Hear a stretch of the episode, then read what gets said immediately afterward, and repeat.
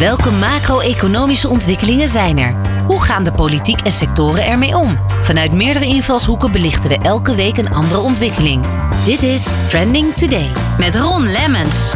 Welkom bij Trending Today. 2023 is alweer 11 dagen oud. 2022 kan je omschrijven als een onstuimig jaar.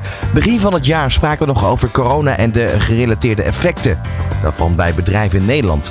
Maar al snel ging het over het uitbreken van de oorlog in de Oekraïne en de daaraan gerelateerde energiecrisis. De inflatie die opkwam, de records die verbroken werden. Nou, noem ze maar op. Ondertussen kregen we ook een nieuw kabinet met nieuwe plannen. En in oktober 2022 moesten bedrijven die in corona in het nauw zaten weer echt op eigen benen staan en starten met het terugbetalen van de openstaande posten bij de overheid. Kortom, heel veel ontwikkelingen in één jaar. In Trending Today vandaag spreken we over de trends en ontwikkelingen voor 2023 met Hans Biesheuvel van Ondernemend Nederland. Eh, en daar gaan we het hebben over natuurlijk de arbeidsmarkt. Waar ligt de focus van de politiek? Gaan ze weer volop campagne voeren voor de provinciale statenverkiezingen? Of gaan ze nu echt doorpakken met de belangrijke thema's die er in Nederland opgelost moeten worden? Dat is een van de vragen die Hans Biesheuvel zichzelf stelt. En daar gaan we natuurlijk met hem over spreken. Hans Klein-Swarmink van de Kamer van Koophandel spreken over het verschenen rapport wat vandaag gepresenteerd is. De bedrijvendynamiek. Met daarin de cijfers uit het handelsregister van 2022. En je hoort een aantal brancheorganisaties over wat zij verwachten van het komende jaar. Wat gebeurt er bijvoorbeeld in de reisbranche? Straks bellen we met Harnita van der Meer van de ANVR. Jan Meerman, directeur van In Retail, spreken we natuurlijk over de ja, welstand van de fysieke winkels in Nederland. En Pieter Bas Broertje, voorzitter van de Independent Dutch Event Association, over de topbeurzen en events in Nederland. Welkom bij Trending Today. Dit is Trending Today op Nieuw Business Radio. Ja, en voordat we zo meteen gaan bellen met Hans Biesheuvel van Ondernemer Nederland ONL. Eerst eventjes terug naar de uitzending van De Ondernemer gisteren op Nieuw Business Radio. Want daar sprak Dick Beljaarts van de Koninklijke Horeca Nederland. Een sector die ja, dit jaar ook alweer een enorm onstuimig jaar gehad heeft. Nadat ze natuurlijk corona achter de rug hadden. Uh, om te beginnen gaan we even terug dus naar die uitzending.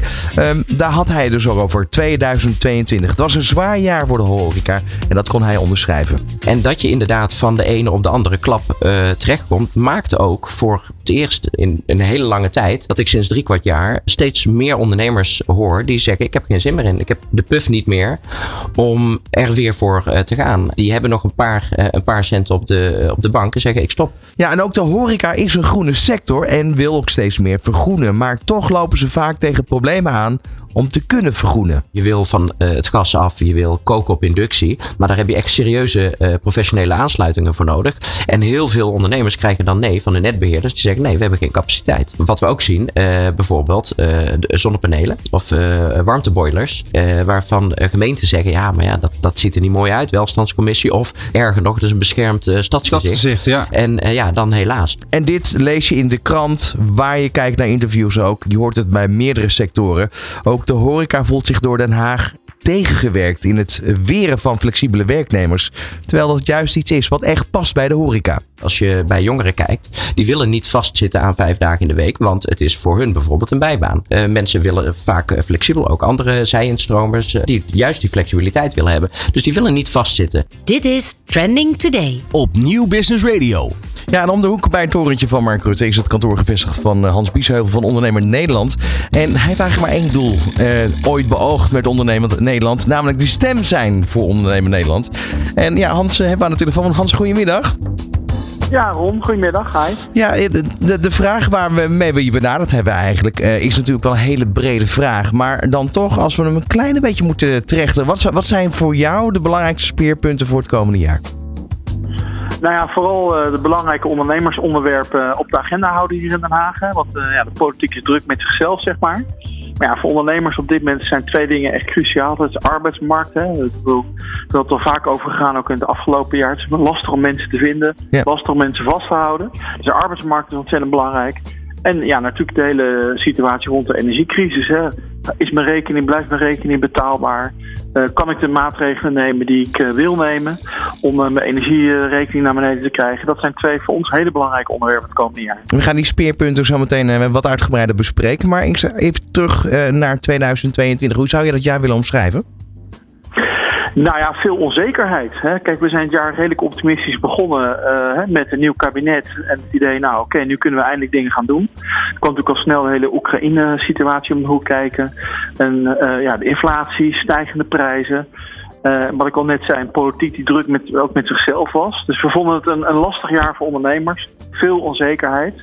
Uh, en weinig echt duidelijke antwoorden. En uh, nou ja, we hebben natuurlijk wel gezien bij de energierekening hè, dat er wel een rekening aangekondigd is. Nou, die moet dan dit jaar uitgevoerd worden. Maar goed, allemaal nog maar afwachten hoe dat gaat uitpakken.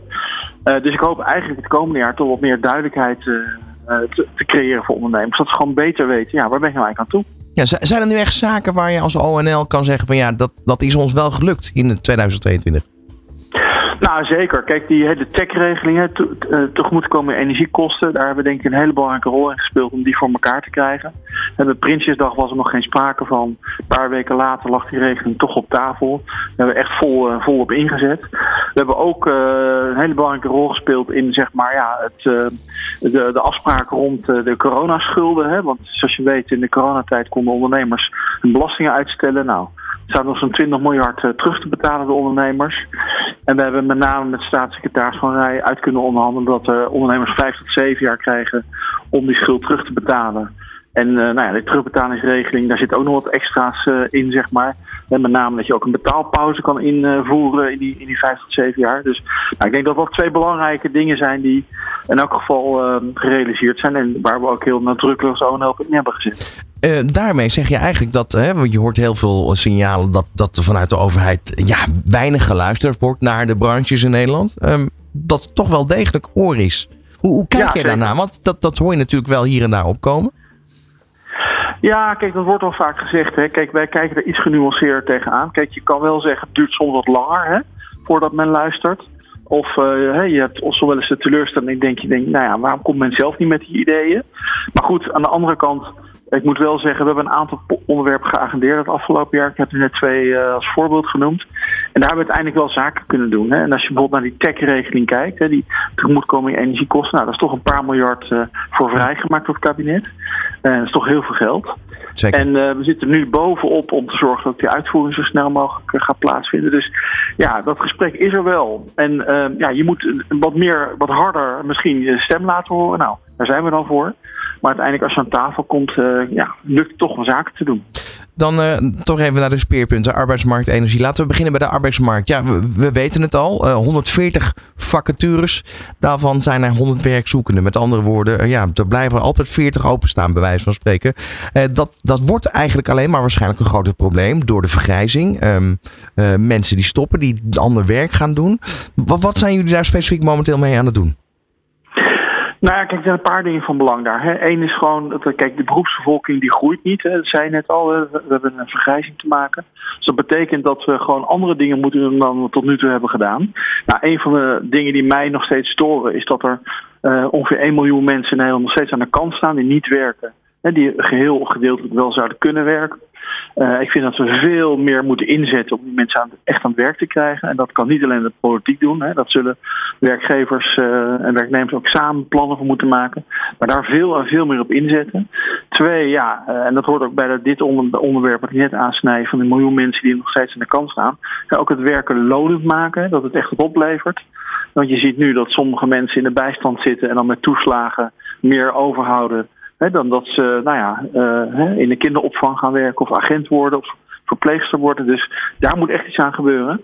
Ja, en heel belangrijk om uh, te zorgen dat ja, als mensen willen werken, dat ze ook bijvoorbeeld kunnen wonen. Hè? Want we horen ook van heel veel werkgevers, ja, we kunnen wel talent aantrekken. Alleen ja, die moeten dan naar Nederland komen. Alleen we kunnen ze geen uh, woning bieden. Uh, huisvesting is echt een groot issue. En dat hangt, ja, wonen en werken hangt heel erg met elkaar samen. Dus dat zijn thema's waar we in ieder geval dit jaar heel veel aandacht voor gaan vragen. Ja, de, uh, die, die, die huisvesting wil ik het straks nog even zo, zo meteen nog even over hebben. Maar de, de inflatie is natuurlijk ook een probleem. Hè? Dat wordt eigenlijk verwacht van ondernemers van um, ja, er moet wat meer bij. Hè? Want, want mensen kunnen uh, simpelweg uh, soms gewoon niet meer rondkomen. Laat staan voor mensen die, wat je zei, die 1 miljoen, die, die eigenlijk aan de kant staan op dit moment helemaal niks heeft. Dus leeft van een uitkering of op een ja. andere manier gecompenseerd wordt. Ehm, daar, daar zit al een hele grote angel natuurlijk ook voor veel bedrijven. Ja, kijk, en het, kijk, het is natuurlijk zo, kijk, die inflatie is er. Hè? En Dat zijn natuurlijk ook factoren op invloed van, hè, waar we met, met z'n allen hier in Nederland niet zoveel invloed op hebben. Dus ik begrijp heel goed dat mensen zeggen, ja, ik wil er wel bij, ik wil gecompenseerd worden. Maar ik vind dat kan niet alleen maar van de bedrijven komen. Hè. Dat, dat kan, gewoon, kan je niet verwachten. Ik bedoel, bedrijven moeten ook winst blijven maken, moeten ook concurreren blijven. Dus um, ja, daar moet, daar moet een goede balans in gevonden worden. En ik vind dat er nu wel heel erg makkelijk alleen maar naar die werkgevers wordt gekeken. En nogmaals, er kan echt wel wat. Maar uh, ja, daar moeten we een goede balans in blijven. Anders dan prijzen we onszelf uit de markt. En dat is voor de Nederlandse economie op lange termijn ook niet verstandig. Nee, dan, dan zit daar, en dat heeft natuurlijk met heel veel andere aspecten te maken. Maar daar zit ook weer huisvesting aan verbonden. Doordat er een tekort is aan woningen, zijn de huur uh, slash nou, huur, de, de koopwoning natuurlijk ook gestegen enorm in prijs. Um, men kan niet meer wonen in Nederland waar je zou willen. Um, dit lijkt ook iets met, met allerlei andere factoren te maken waardoor het vastloopt. Noem uh, de CO2-problematiek. Uh, um, hoe moet dat vlot getrokken gaan worden volgens jou?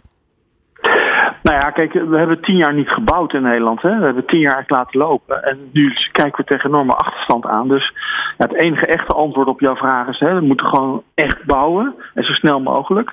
En ook de goede woningen bouwen. Hè? De woningen voor ja, mensen van nu en van de toekomst. Hè? Want de gezinssamenstelling in Nederland is ook anders dan in het verleden. En dat, tempo moet omhoog. Hugo de Jonge heeft nu een jaar lang op de positie van minister van eh, Volkshuisvesting gezeten. We hebben allemaal ja, mooie plannen gehoord en verhalen gehoord, maar er is nog weinig extra gebouwd.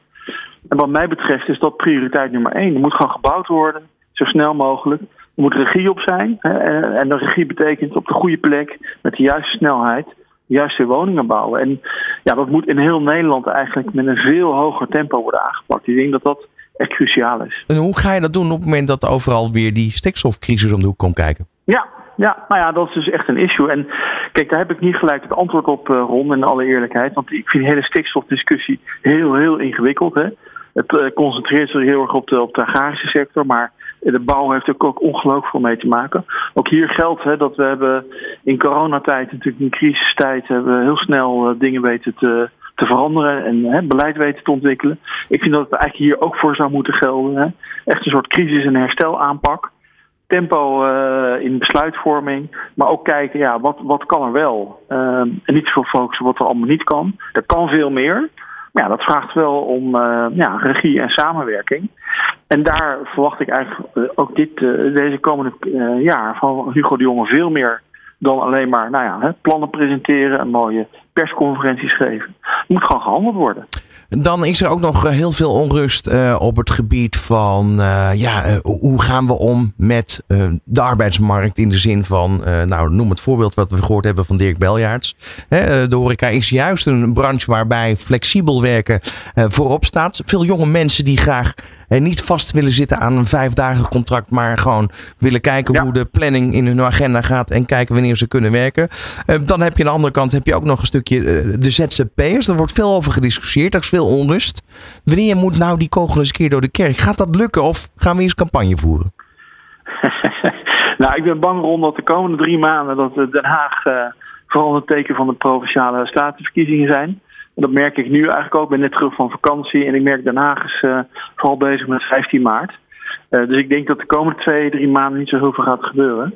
Maar je hebt helemaal gelijk. Hè? Kijk, we hebben drie jaar geleden heeft Hans Borslap, hè, uh, dat was de toenmalige adviseur van van de kabinet, een, een, een, het rapport Borslap gepresenteerd. Een allesomvattend visie op de toekomst van de arbeidsmarkt. Met heel veel verstandige adviezen erin breed gedragen, van links naar rechts, van in de, ook breed in de polder gedragen. Alleen ja, er is nog bar weinig mee gebeurd. Uh, we zijn nu drie jaar verder, dus ik zou tegen het kabinet zeggen, ja, alsjeblieft, er ligt een goed advies. Dit breed gedragen, ga het nou gewoon uitvoeren. Want ik denk dat dat echt nodig is. En dan doel je met name op, op, op ja, de arbeidsmarkt weer gezond te krijgen. Ja, nou, het maakt de toekomst bestendig. Hè? Wat je net zegt, kijk, de, het idee was altijd natuurlijk na de Tweede Wereldoorlog iedereen een vaste baan hè, bij die ene werkgever. Uh, het liefst uh, je leven lang. Nou, we zitten in een verslagen andere werkelijkheid. Mensen stellen, kijken heel anders naar de indeling van hun arbeids, arbeidsleven.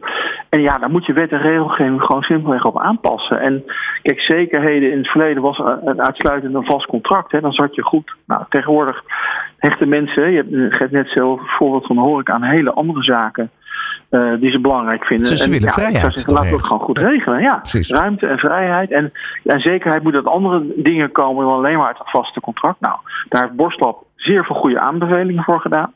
Uh, juist om daar goed op in te spelen. En ik zou zeggen, ja, voer dat nou gewoon uit. Ik denk dat dat echt belangrijk is. Ja, nu is het speerpunt 2025, dan moet er ook gehandhaafd gaan worden. Gaan we dat halen, denk je? Ja, dan heb je het echt over de ZZP'ers. Hè? Want dat is natuurlijk één aspect. Ja. De arbeidsmarkt heeft heel veel verschillende aspecten. Maar als je het over ZZP'ers hebt, ja, kijk, dat hangt er maar heel erg van af uh, in hoeverre men in staat is hè, die ideeën die men daarover heeft om te zetten in, in wetgevingen. Want uiteindelijk, ja, er moeten wetsvoorstellen dan naar de Kamer. Die moeten door de Tweede Kamer heen. En vervolgens moet die dan worden uitgevoerd. Uh, ik, ik ben nog blijf ik maar even optimistisch rond aan het begin van het nieuwe jaar. Dus ik denk dat het uh, binnen twee jaar moet, zou moeten kunnen lukken. Maar dan moet minister van Genep wel tempo maken. Want we weten uit ervaring, gemiddeld wetsvoorstel heeft minimaal twee jaar nodig in Den Haag om er doorheen te komen. Dus uh, ja, ze moeten aan de slag. Ja. Nu, nu weet ik ook dat de horeca maakt zich best wel zorgen. Dan heb je het over één sector, maar er zijn meerdere sectoren waar dat flexibele werk juist zo ideaal is. Noem bijvoorbeeld de, de, de supermarktketens in Nederland. Daar uh, heb je natuurlijk ook de vakkenvullers die uh, even kijken hoe ze flexibel ze kunnen werken. Ja, nou, zeker. Maar kijk, flexibiliteit, hè, dat is gewoon een, een heel belangrijk ik zou zeggen, asset hè, van, van de, juist van de Nederlandse economie. Het punt is alleen dat je moet het gewoon netjes regelen. Hè. Je moet gewoon goed en netjes regelen. En dat kan. Hè. Daar, zijn, daar zijn voldoende voorbeelden van, ook in het buitenland, dat het prima kan. In Denemarken hebben ze het mooie systeem Flex Security. Hè. Dat gaat om hè, maximaal flexibel werken, maar met zoveel mogelijk zekerheid op een aantal thema's die voor mensen van belang zijn. Nou, dat zou in Nederland ook echt heel belangrijk zijn, nu een keertje goed te doen. Dus ik denk dat we flexibel werken helemaal niet onmogelijk moeten maken, juist moeten stimuleren. Maar je moet het wel netjes regelen. En dat netjes regelen doen we, zijn we gewend en met wet en regelgeving te doen. En ja, die duidelijke wet en regelgeving ontbreekt op dit moment op dit vlak. Um, en daar hebben we gewoon heel veel behoefte aan. En nogmaals, ja, daar geeft Borstlab, vind ik, hele goede aanzetten toe. En ik zou tegen minister van Genep zeggen, ja, ga er nou mee aan de slag. Oké, dat is in ieder geval nuttig om, uh, mocht je erin geïnteresseerd zijn, om je te verdiepen in dat rapport van die commissie Borslab. Zeker, uh, Tot slot de energie. Wordt dat nog een issue um, het komende jaar dat daar veranderingen gaan plaatsvinden? Of gaan we de rust weer terugvinden? Wat denk je? Nou, ik denk dat het nog onrustig blijft. Kijk, zolang het uh, de geopolitiek onrustig is, zal dit on blijven beïnvloeden. Zal het voor een deel onvoorspelbaar blijven. Tegelijkertijd hebben we miljarden beschikbaar hè, voor klimaat- en energietransitie. En ik zou ook zeggen, ja, laten we die nou goed besteden. Kijk, we gaan nu de ondernemers en ook de burgers helpen met het prijsplafond en, en, en allemaal uh, nou ja, regelingen om kosten te kunnen declareren. Dat is mooi. Maar dat is allemaal voor de korte termijn. Hè. Voor de iets langere termijn is het natuurlijk van belang dat ondernemers de ruimte gaan krijgen om nou ja, de energierekening naar beneden te krijgen, te verduurzamen, zoals het zo mooi in Den Haag heet. En ik zou zeggen, ja, laten, we daar nou ondernemers echt toe stimuleren. Uh, door de investeringen ook mogelijk te maken. En dat heeft ook te maken met capaciteit. Hè? Wat Dick Belgers net al aangaf. Ja, ik spreek die ondernemers ook. Die uh, wel die elektrische oven willen kopen. Of uh, nou ja, die zonnepanelen op het dak willen. Maar ja, simpelweg, er is geen capaciteit. Of er zijn geen handjes om het te installeren. Nou, daar moeten we vol mee aan de slag. En, en ja, ik ga ervan uit dat het kabinet dat ook gaat doen. Want ja, je, we kunnen geen steunmaatregelen jaar in jaar uit blijven nemen die miljarden kosten.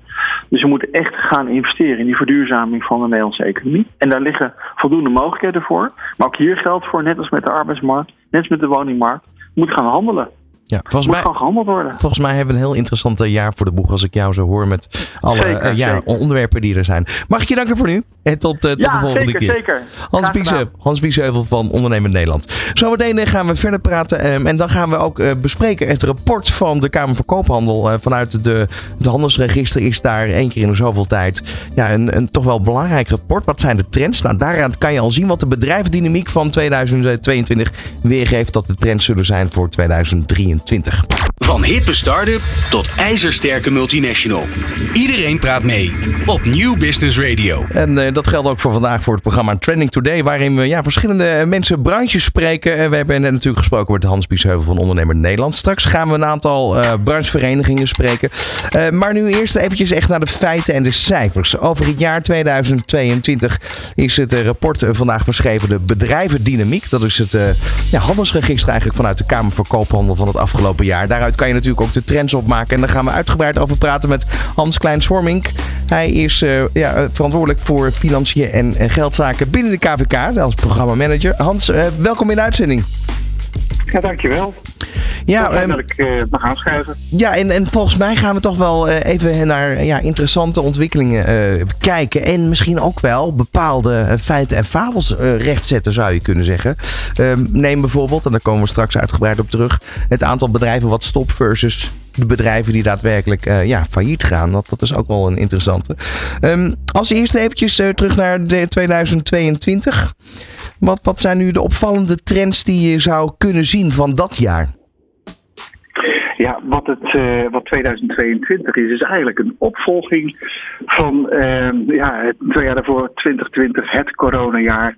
En uh, alle zaken die daarmee te maken hebben. En vervolgens hebben we in 2022 uh, te maken gekregen, hebben ondernemers te maken gekregen met de stapeling van oorzaken die eigenlijk geleid hebben tot, uh, tot problemen voor, uh, voor heel wat ondernemingen. Ja, dan, dan doel je natuurlijk op de energiecrisis, op de inflatie. Hè? Inkoop van, van bijvoorbeeld al simpelweg grondstoffen is natuurlijk uh, ja, voor heel veel ondernemingen toch een behoorlijke klap na die coronaperiode. Um, nu, nu we spraken we elkaar natuurlijk al eerder. Um, daarbij had je het ook met name over wat heel opvallend was, de toename van het aantal webshops. Voor corona ja. versus na corona. Ja, dat klopt. Ja, als je, als je weet dat zeg maar. Uh, voor corona waren er natuurlijk al uh, heel wat webshops uh, actief op het internet. Maar eigenlijk heeft corona een enorme boost gegeven aan de vestiging van het aantal webshops. En dan moet je denken dat um, voor de coronacrisis waren er ongeveer 40.000. Wat zeg ik? rond 2015 40.000. Um, we zagen dat een geleidelijke groei. Um, en het coronajaar heeft eigenlijk dat, dat uh, aantal doen stijgen met zo'n 40.000 bedrijven naar 94.000 webshops, althans uh, winkelbedrijven via internet, uh, zoals we dat dan registreren in het handelsregister, zien we staan, staan geregistreerd. Dat is echt dat is ongelooflijk veel ook. Kunnen, kunnen al die 94.000 webshops hiervan leven? Dat kan ik me eigenlijk bijna niet voorstellen. Nou, je moet ook zo zien dat um, dit heeft ook onder andere te maken met uh, jonge mensen die um, uh, bijvoorbeeld via dropshipping um, uh, ervoor zorgen dat hun klanten bediend worden. Dus het is veelal ook een, een bedrijf naast een, een loondienstfunctie of ja, ook heel veel studenten doen dat hè. Dus die vestigen bedrijven na, naast hun studie. Exact, exact. En eh, wat, wat je ook uh, eigenlijk aangaf was een aantal fysieke winkels. Ja, dat zie je natuurlijk ook in Nederland. Daar is nog steeds sprake van een afname. Uh, sterker nog, ja. winkels worden vaak omgebouwd en soms tot woningen, tot kantoren. Er worden andere bestemmingen voor gevonden. Ook opvallend, de markthandel. Daar neemt het ook nog verder af, hè? Ja, en dat is eigenlijk ook wel heel typisch. Want kijk, je ziet natuurlijk een toename van het aantal webshops. Maar je ziet ook een toename van online supermarkten. Denk aan Picnic, maar denk ook aan bezorgen van uh, Albert Heijn. Uh, en ook lokale supermarkten doen dat. Um, maar wat we ook zien uh, in de markthandel is dat echt wel aan het afnemen. En dat betekent van 2013 waren er zo'n 12.000 markthandelaren uh, ingeschreven in het handelsregister. En um, op dit moment is dat uh, iets meer dan 10.000. Dus een afname van 2000, ruim. Veel. Um, ja, dat is 20 procent. Dat is veel. Ja. En ik, ik kan me nog goed herinneren, in coronatijd werd ook gesproken over koop lokaal. En als je dan bedenkt dat je bij wijze van spreken de aardappels op de markt kan kopen van de boer die in je omgeving zit, is dat best wel een rare tendens. Ja, ja klopt. Ja, ook de markthandel had in eerste instantie natuurlijk uh, te maken met de beperkingen van de corona. Maar je ziet dat er een omslag is gekomen in het denkpatroon, in het handelenpatroon van heel veel mensen. En dat betekent dat ze um, eigenlijk sinds 2020 is men, ja, is, is de consument veelal gaan bestellen online. Um, en die trend die, die hebben ondernemers opgepakt, zijn ook een webshop gaan, gaan vestigen. Um, en zie daar dat je. Uh, ja, de, de, dat gaat echt ten koste ook van de, van de markthandel. Ja, je doelt met name ook op de flitsbezorgers, denk ik, hè? Ja, ja absoluut. Zeker. Ja, en, en, daar zie je dus nog steeds groei. Uh, dat, dat startte natuurlijk met name in de grote steden. Zie, zie je nu ook ontwikkeling in andere delen van het land, bijvoorbeeld, waar, waar dit eh, fenomeen zijn intrede doet? Ehm, nou, eh, vooral de, eh, denk ik, eh, de Randstad eh, eh, kunnen we dat eh, typeren. Eh, en en eh, ja, dat heeft uiteindelijk heeft dat ook effect voor, eh, voor de provincies eh, die, die, niet in de Randstad eh, gevestigd zijn. Wat, wat voor trends ehm, heb je nog meer uit dit rapport kunnen halen waarvan je vanochtend het rapport opensloeg? En ik kan me voorstellen dat je wellicht het rapport al veel eerder gezien hebt, maar eh, waarvan je zegt, ja, dat moeten we toch even met elkaar delen. Ja, ja zeker. Nou, ehm, wat, ik, wat er altijd wordt, wordt gezegd, hè, dat ehm, eh, als, als eh, ik zou zeggen, als factor van belang om te kijken hoe dat het staat met de stand van eh ondernemingen in Nederland, is het aantal faillissementen. Nou, eh, het aantal faillissementen, dat moet je zo zien dat dat in de afgelopen tien jaar eh, kent zijn piek in, in eh, de na-bankencrisis zo rond 2013 van eh 7.000, 8.000 faillissementen op jaarbasis. Ehm, en dat heeft zich ontwikkeld, dat is afgenomen. De economie is gegroeid. In 2018 waren er zo ongeveer 3000 faillissementverklaringen. Ehm, en je ziet eigenlijk door, door corona dat het aantal faillissementen gedaald is. En eh, in 2020 zat dat op zo'n 2600. eh, met als, als laagste aantal eh faillissementen in het jaar 2021 van zo'n 1500. Maar er is een kentering. Ja, want, want als, als ik nog even mag eh, 2020, aanhaken erop. 2022. Ja, want, want ik ben wel benieuwd naar het, het feit corona. We weten, eh, veel bedrijven werden gesteund door de overheid. Ja. Dus nou, dat was ongekend. Eh, weinig faillissementen. Maar nu zitten we in een periode waarin de, de schulden die destijds zijn opgebouwd weer moeten terugbetaald betaald moeten worden. Dus nu moeten die bedrijven wel laten zien dat ze gezond zijn. En toen werd er verwacht dat er een golf van faillissementen zou komen in 2022. Jij kan de antwoord Ja. op geven. Is, die golf er eh, of komt die nog? Nou, ik, eh, die golf is niet geweest. Want Nee. eh, er is een stijging geweest van 1500 in 2021 naar 1800 in het afgelopen jaar. Eh, maar het is haast onvermijdbaar dat het aantal faillissementen verder stijgt in, in dit jaar, in 2023. En dat heeft alles te maken met die inflatie. De koopkracht van de burger wordt lager, terwijl de lasten van de onderneming wel hoog zijn. En vergis je niet, gevestigde ondernemingen die hebben ook last van eh, schulden. Denk aan de belastingen. Ja. Die ehm eh, veel nog moet worden terugbetaald. Dus een hoge belastingsschuld. We hebben onderzocht. 57% van eh, alle ondernemingen die zeggen ik heb schulden. ehm, die zeggen de Belastingdienst is mijn grootste schuldeiser. Dus daar zit echt een, een, een fenomeen.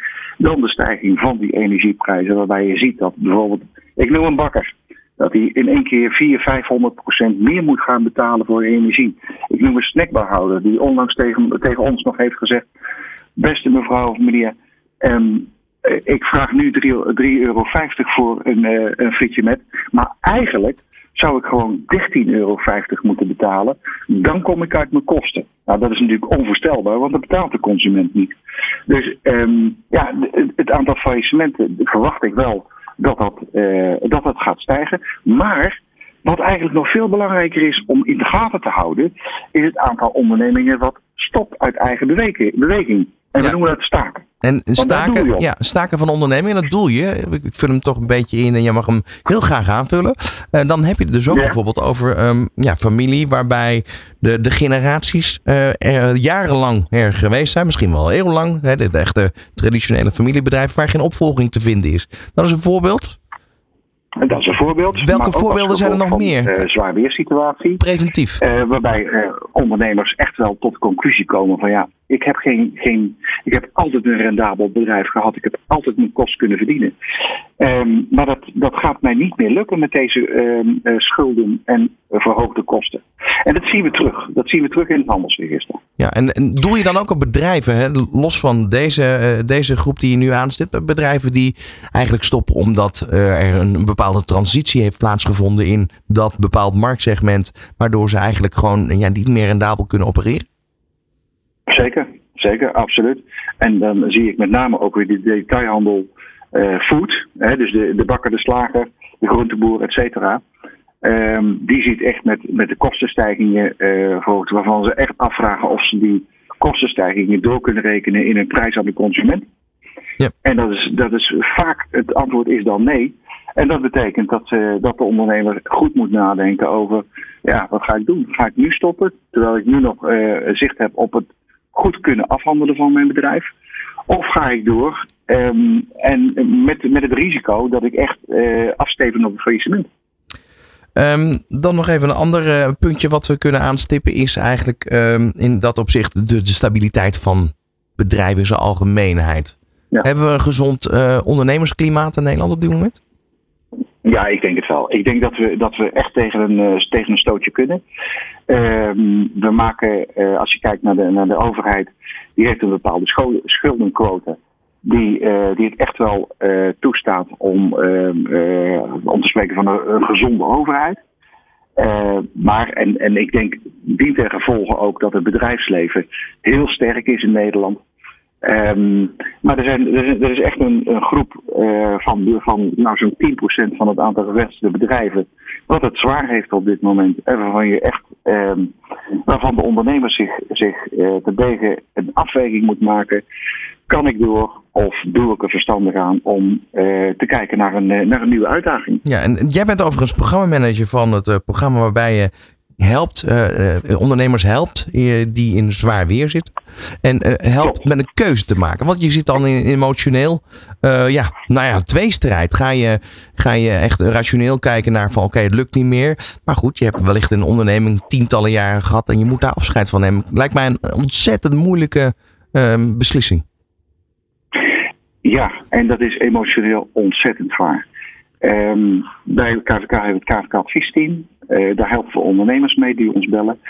En uh, we spreken dagelijks ondernemers die het zo zwaar hebben um, dat, dat, dat ze echt hulp nodig hebben bij de beslissing uh, voor hun toekomst. En, en, daar bedoel ik mee dat, dat ondernemers echt een eerste stap met ons maken om te kijken naar heb ik, heb ik überhaupt nog wel toekomst met mijn bedrijf? En dat zijn trieste verhalen. Want net wat je zegt, dat zijn uh, soms bedrijven die generaties lang uh, een bedrijf hebben gehad. En nu moet kleinzoon een knoop doorhakken over eigenlijk het bedrijf wat opa destijds heeft gevestigd. En dat zijn, dat hele zware beslissingen. Daar helpen we ze mee. En eh, daar gaan we altijd uit van hun situatie. Nemen, we, we, we denken mee in een stukje analyse. En vervolgens eh, denken we mee in welk stapje kunnen we nu als eerste zetten. Uh, natuurlijk gegeven middelen en randvoorwaarden. En als we dat, dat plaatje compleet hebben met de ondernemer, denk mee van ja, dit is een stap die je kan maken. Maar dat kan ik niet alleen. Dan kijken wij in ons, in ons ecosysteem zwaar weer, zo noemen we dat. Al die organisaties waarmee wij samenwerken ten behoeve van die, die ondernemer die, die het moeilijk heeft, dan verwijzen wij gericht door naar een partij waarmee die ondernemer uh, ondersteuning kan krijgen bij het uitvoeren van zijn actieplan. En, en dat is super belangrijk. Ja. Dat iedere ondernemer weet van, ja, ik, ik sta er niet alleen voor. Er is hulp te krijgen. Met andere woorden, er is een, een loket uh, en daarvoor zijn jullie natuurlijk als Kamer voor Koophandel. Um, ja, ik, ik wil je eigenlijk uh, toch danken voor nu, uh, Hans. ja, voor eigenlijk alles wat je, wat je verteld hebt, het rapport. Um, en ja. ja. als we het zo kunnen, kort kunnen samenvatten. ja, de trend van 2022 die is ingezet zal doorgaan lopen. En dat wisten we natuurlijk al wel. Um, nou, we gaan over een half jaar weer kijken waar we staan. Bedankt. Oké, okay, graag gedaan. Bedankt. Dit is Nieuw Business Radio. Ja, nou de eerste brancheorganisatie waar we nu mee gaan spreken is uh, ANVR, de Algemene Nederlandse Vereniging van Reisorganisaties. En ja, als we um, nog even teruggaan naar een jaar geleden, heb ik Frank Oostdam gesproken, de directeur. Um, toen ging het nog over, ja, hoe gaat die wintersport eruit zien? Het was nog corona, het was best wel uh, onzeker. Um, nu heb ik aan de telefoon Hanita van der Meer. Hanita, hoe is de sfeer nu op dit moment binnen de branche? Ja, die is echt totaal anders. Iedereen uh, heeft er weer zin in. We hebben natuurlijk gezien dat zodra we uit lockdown kwamen vorig jaar, dat uh, iedereen ook heel graag op vakantie wilde. En dat zet uh, zich lekker door nu er geen nieuwe varianten van corona meer zijn en geen lockdowns meer in het vooruitzicht zijn. Dus dat, ja, we zijn er allemaal heel blij mee. Ja, zeker nog vandaag zelfs de vakantiebeurs begonnen, waarin je als ja, consument weer kan kijken naar eventueel nieuwe verse bestemming. Absoluut, ja. Uh, wat, wat is daar nog meer te zien vandaag? Daar heb je uh, ook heel veel beleving. Hè? Dus niet alleen maar dat je informatie kan inwinnen over bestemmingen, maar ook wel wat, wat leuke dingen kan doen. Zoals duiken in, in een tank, wat je daar op de vakantiebeurs kan doen. Een klimbos. De, de kamperen wordt volledig neergezet. Verre reizen waar allerlei ja, experiences zijn, ook voor kinderen, maar ook voor volwassenen. Dus uh, eigenlijk om iedereen weer in de mood voor vakantie te brengen. Echt weer even terug in de stemming. Ja, dus het mag weer. Dat is ook de stemming en de sfeer die er is binnen de branche. Maar nu zijn er natuurlijk nog wel kritische noten. Uh, sowieso, duurzaamheid is natuurlijk een onderwerp binnen de reisbranche. Uh, Schiphol was natuurlijk ook een onderwerp en nog steeds zo, toch? Ja, nou we hebben, we hebben natuurlijk naar aanleiding van vorig jaar uh, heel goed overleg met Schiphol uh, bijna wekelijks gehad. En inmiddels is dat ietsje, op een ietsje lager niveau, omdat zij met heel veel nieuwe plannen zijn gekomen hoe ze de problemen die er vorig jaar ontstonden gaan aanpakken. Dat overleg hebben we nu ongeveer twee wekelijks. En er zijn tussentijds evaluatiemomenten om te zien of ze wel alles op de planning hebben zoals gepland is. Dat we in de meivakantie zeker geen vervelende issues meemaken zoals we vorig jaar hebben gezien. Waardoor mensen in die lange rijen terechtkwamen omdat er te weinig beveiligers uh, en te weinig douaniers waren. Um, Schiphol heeft beterschap beloofd. We zien dat ook terug in de plannen. We zien het ook in de tussentijdse evaluaties. Dus vooralsnog uh, zeggen wij, we geven ze het voordeel van de twijfel en blijven er bovenop zitten. Ja, want je zegt, samen met alle leden. Precies, want je zegt je ziet het terug in de plannen, maar zie je het ook daadwerkelijk in de praktijk terug? Nou, dat is dus nu wat we in de tussentijdse evaluatiemomenten zien. Uh, hoeveel mensen er aangenomen zijn, uh, wat, wat de nieuwe voorwaarden zijn. En dan hebben wij daar wel vertrouwen in. Um, één. Anderzijds, uh, het duurzaam reizen. In hoeverre zie je daar ontwikkelingen?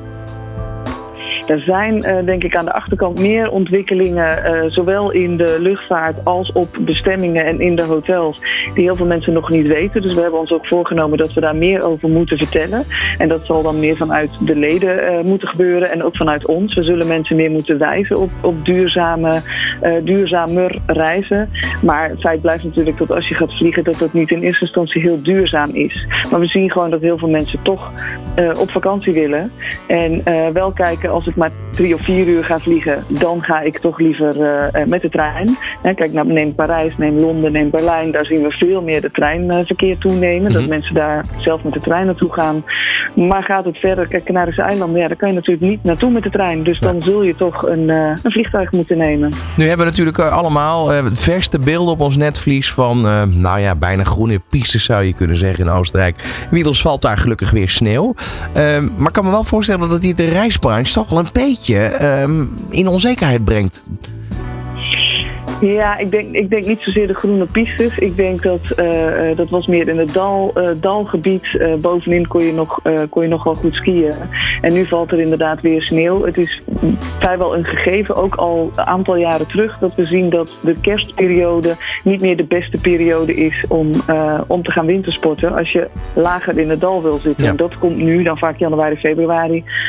valt daar veel meer sneeuw en dan zijn die gebieden ook groter. Ja, ik las ergens dat ze in Oostenrijk 44 dagen hebben ingeleverd wat betreft uh, het seizoen gemiddeld genomen. Dat is best behoorlijk wat. Uh, maar goed, er wordt wel weer volop geboekt voor de wintersport. Ja, er wordt volop geboekt voor wintersport, volop geboekt voor zon. Of beide. En, en ze hebben natuurlijk twee of drie jaar thuis gezeten en willen nu echt wel weer lekker naar buiten. Ik wens jullie een uh, waanzinnig mooi jaar, want dat is uh, eigenlijk wel de trend die er binnen de reizenbranche heerst. En uh, dat is jullie gegund na die coronaperiode die we gehad hebben. Dankjewel. Dit is Trending Today. Volgende brancheorganisatie waar we over gaan spreken is In Retail. Aan de telefoon heb ik de directeur daarvan, Jan Meerman. Jan, goedemiddag. Goedemiddag. Ja, het gaat bij jullie natuurlijk over de fysieke winkels in Nederland en dan met name in de non-food sector. Um, uh, december is een maand geweest waarbij je zou zeggen, nou dat moest een topmaand worden, want wellicht dat de omzet voor dat jaar goed gemaakt kan worden. Hoe is de tendens nu? Is dat gelukt bijvoorbeeld? Ja, eigenlijk is boven verwachting de omzet in november, december heel goed geweest. Uh, mede ook wel door de prijzen die wat hoger lagen. Maar we hadden eigenlijk wel enigszins rekening gehouden met wat druk op de opzet. Maar uh, dat is niet uitgekomen, gelukkig niet. Uh, dus we hebben eigenlijk een hele mooie, mooie decembermaand gehad. Met uh, hele mooie verkopen. Dat is een, dat is een heel goed teken, zou je zeggen. Ja, um, maar ja. dan, dan aan de andere kant, en dat weten we ook, we hebben natuurlijk de stijgende prijzen. Energieprijzen, huurverhogingen. Um, er zijn heel veel uh, ja, kapers op de kust waarbij je toch door een soort van mijnenveld eigenlijk heen moet als ondernemer in de retail. Ja, dat klopt. Hè. Kijk, de prijzen voor 2023. Ik, ik kan op dit moment geen enkel uh, uh, prijselement noemen waar het niet omhoog gaat. Hè. Energie, personeel, inkoop. Maar het meest eh, verontrustend vind ik eigenlijk de huurprijsstijgingen.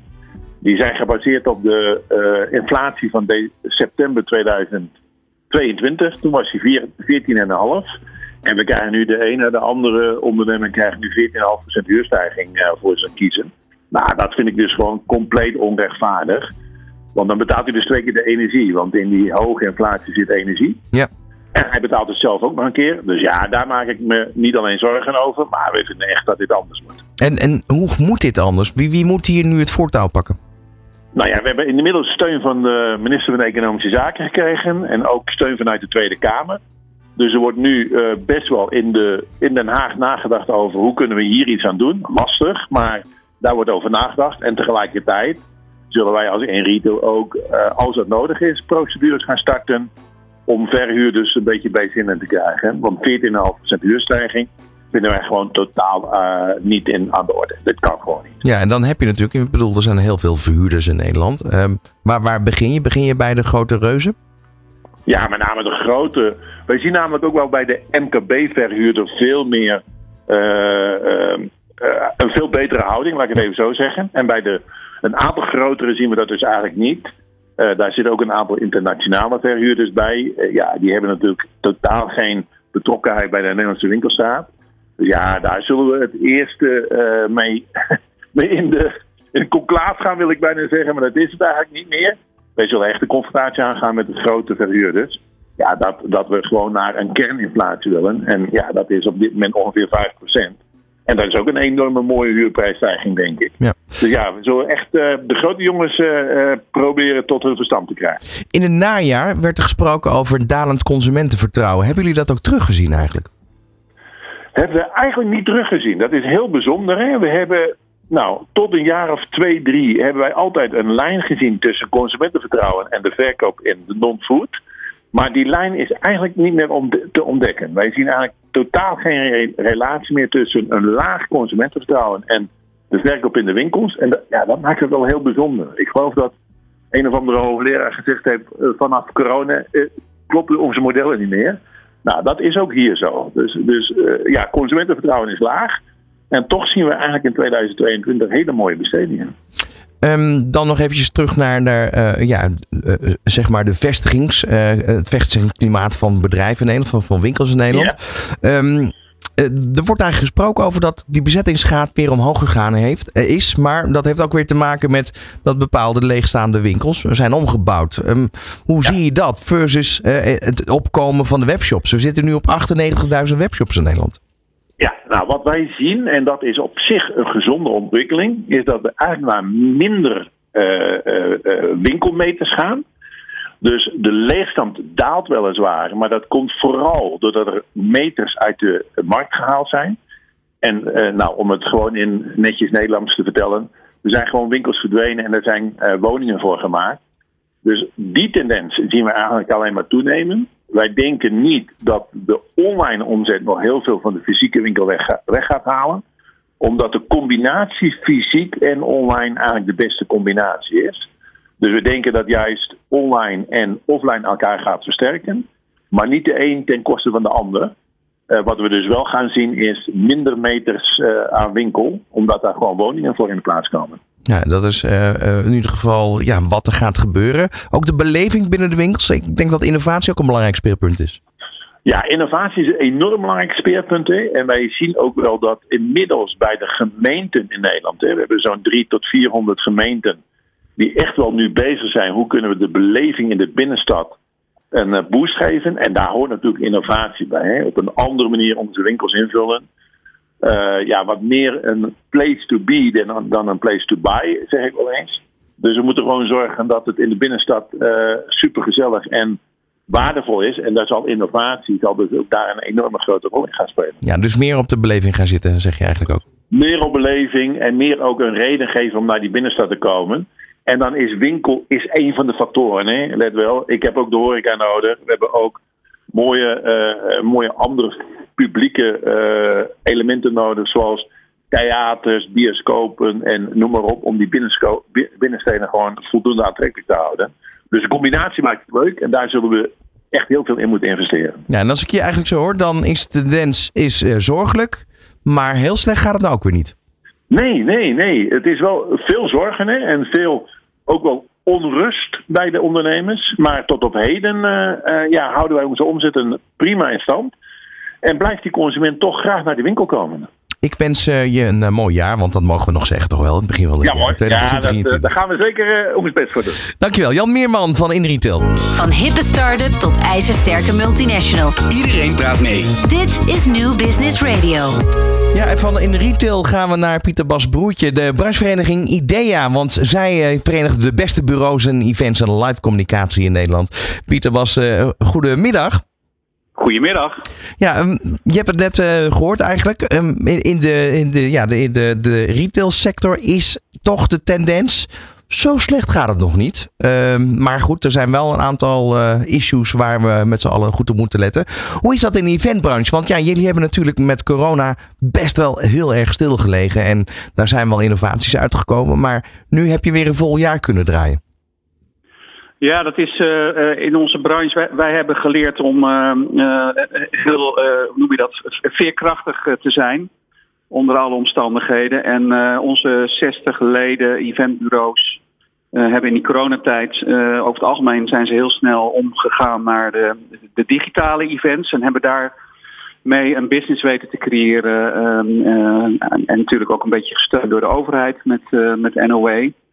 Uh, en toen vorig jaar uh, weer vol in de, in de evenementen. Um, en uh, nou, met, ook wel omdat heel veel bedrijven natuurlijk weer die live bijeenkomsten wilden. Um, ja, dus over het algemeen is er vorig jaar een heel erg goed gedra jaar gedraaid bij onze leden. en, dat, en dat merken we ook voor dit jaar, dat er toch ook wel weer veel business staat. En natuurlijk is er aandacht voor, uh, voor kostenverhogingen. Uh, bedrijven die een beetje op de rem uh, stappen. maar over het algemeen hoort het toch wel goede geluiden. En hoe is het eigenlijk met, met eigenlijk het, personeel? Is, is er veel tekort? Want ik bedoel, ook de branchesector heeft stilgelegen. He, daar zijn mensen vertrokken naar wellicht andere branches en zijn andere, andere dingen gaan doen. Ja. en, en, in één keer moest er ook een inhaalslag gemaakt worden. Dat heb je ook vaak gehoord dat beurzen eigenlijk twee edities in één jaar gedaan hebben om ja, die, die schade toch in te halen. Absoluut. En daar, daar zit ook een hele grote uitdaging. En niet alleen bij onze leden, maar met name ook bij leveranciers. Hè. Dus uh, bijvoorbeeld cateraars, uh, techniekpartijen die, die, uh, waar, die toch afscheid van hun personeel genomen hebben in die coronajaren. en die van 100 naar 20 gegaan zijn, zeg maar. En, en dan in één keer weer naar 100 moeten. Ehm, dus ja, dus dat betekent dat je ook af en toe nee moet zeggen, omdat, omdat, omdat je het dan niet kan waarmaken. En dat is ook wel ja, is toch een grote uitdaging. Ja, zie, zie je die uitdaging overigens wel uh, de goede kant op uh, kenteren? Dat, dat gaat zeker de goede kant op. Maar ik denk dat we ook daar dit jaar nog zeker last van hebben. het, is, ja, het is gewoon heel veel mensen zijn uit ons vak weggelopen. en die moeten weer terugkomen, die moeten opgeleid worden, die moeten weer enthousiast gemaakt worden. er zijn veel mensen zijn freelancer geworden. wat betekent dat de kosten enorm gestegen zijn. Ja, dus dat is zeker een, een uitdaging en, en, en een belangrijk thema binnen onze vereniging. Wat was het uh, belangrijkste leerpunt eigenlijk van 2022? Want het was natuurlijk, ja, je zou kunnen zeggen, een transitie, transitie slash overgangsjaar. Wat, wat nemen jullie nu mee voor het komende jaar? Nou ja, ik denk dat een, een, een, belangrijk leerpunt, ook wel wat ik net al zei, is dat je hele duidelijke keuzes uh, moet maken als je zoveel vragen krijgt. Van waar wil je uh, ja, gewoon de dingen doen waar je heel goed in bent. Ik denk dat dat uh, veel bedrijven ook gedaan hebben. Ik denk een, een heel belangrijk leerpunt is natuurlijk geweest dat, dat bedrijven gezien hebben hoezeer ze die evenementen missen en, en hoe belangrijk het is voor het bouwen van je cultuur en, en, en, en het bouwen van relaties met opdrachtgevers om, om evenementen te organiseren. Dus dat, dat zie je, dat, je ziet dat bedrijven daar weer heel veel aandacht aan, aan geven. Dus wat dat betreft is dat een mooie ontwikkeling. Ja, nu hebben we in die, die coronaperiode hebben we eigenlijk we hebben heel veel thuis gewerkt. En we hebben heel veel met elkaar gezegd van nou, nou in principe dat thuiswerken dat gaat prima. Waarom zouden we elkaar steeds ontmoeten? Uh, nu zijn juist dit soort beurzen en events zijn om mensen met elkaar te verbinden. Wordt ja. er anders naar gekeken? Is jouw idee of niet?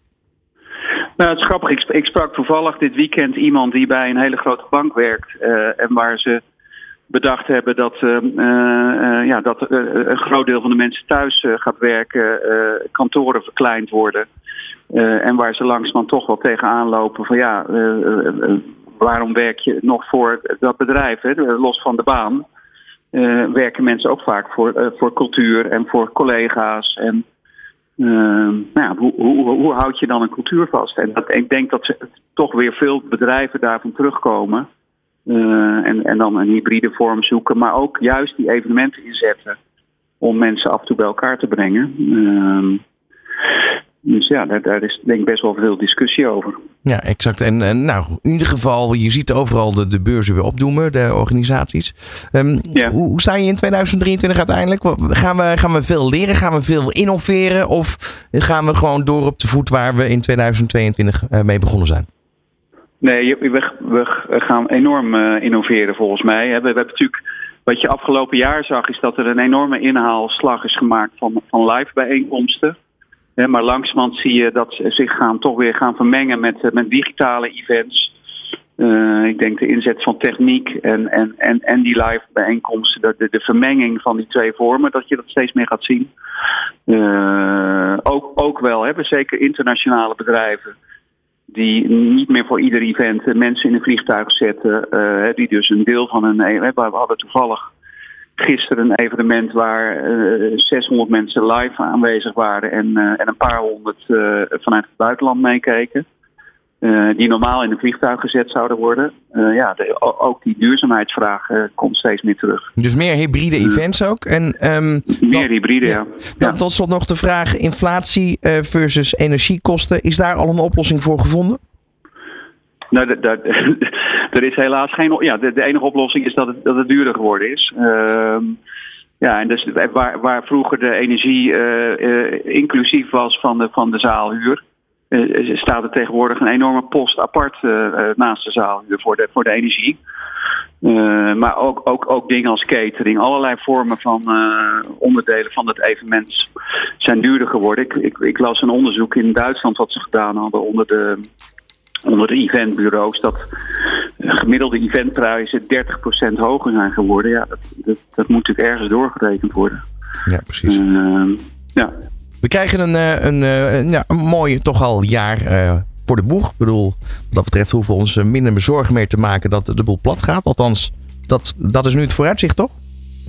Dat is zeker het vooruitzicht. En wat ik, het gek aan de situatie is, hè, er wordt alsmaar gesproken over recessie of dat het minder gaat. Hè. En, en langzamerhand geloven we daar natuurlijk ook allemaal in.